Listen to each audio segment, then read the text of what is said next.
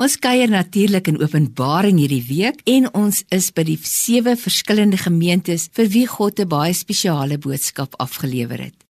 En vandag kuier ons by Pergamum in Openbaring hoofstuk 2 vers 12 tot 17. Aan elkeen wat aanhou oorwin, sal ek van die weggesteekte manna gee. En dan hierdie woorde: as ook 'n wit steentjie met 'n nuwe naam opgegraveer wat niemand anders ken nie behalwe die een wat dit ontvang het.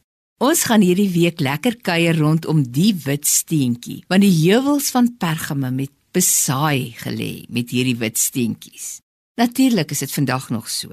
In die tyd van Johannes het al die bygelowige mense 'n hangertjie met 'n klippie of 'n stukkie hout of die voor, of natuurlik in Pergamum met 'n wit steentjie om hulle nek gedra.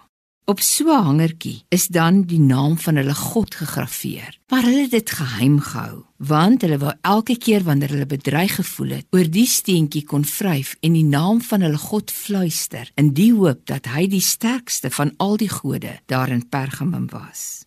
'n Mens sien vandag nog baie keer sulke gebruike. Mense hou van simbole. Hulle hou daarvan om 'n kruis om hulle nek te hang en daarin te dink dat Jesus vir hulle gesterf het.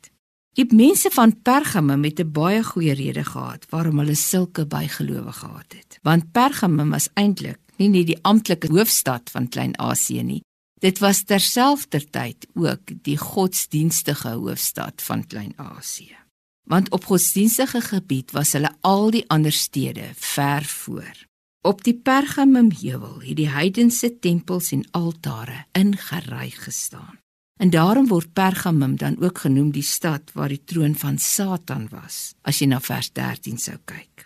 En nou kom die koning van die kerk, die Here van die Here, hy wat bo almal is, en hy sê hy gee aan die inwoners van Pergamum 'n klein steentjie, 'n wit een.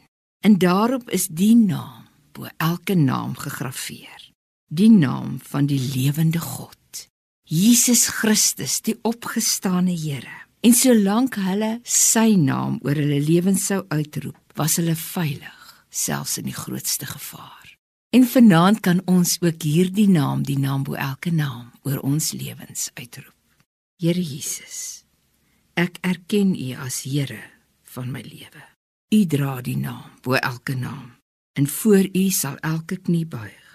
Here, ek buig nou ook voor U. U is my koning, my redder. Amen.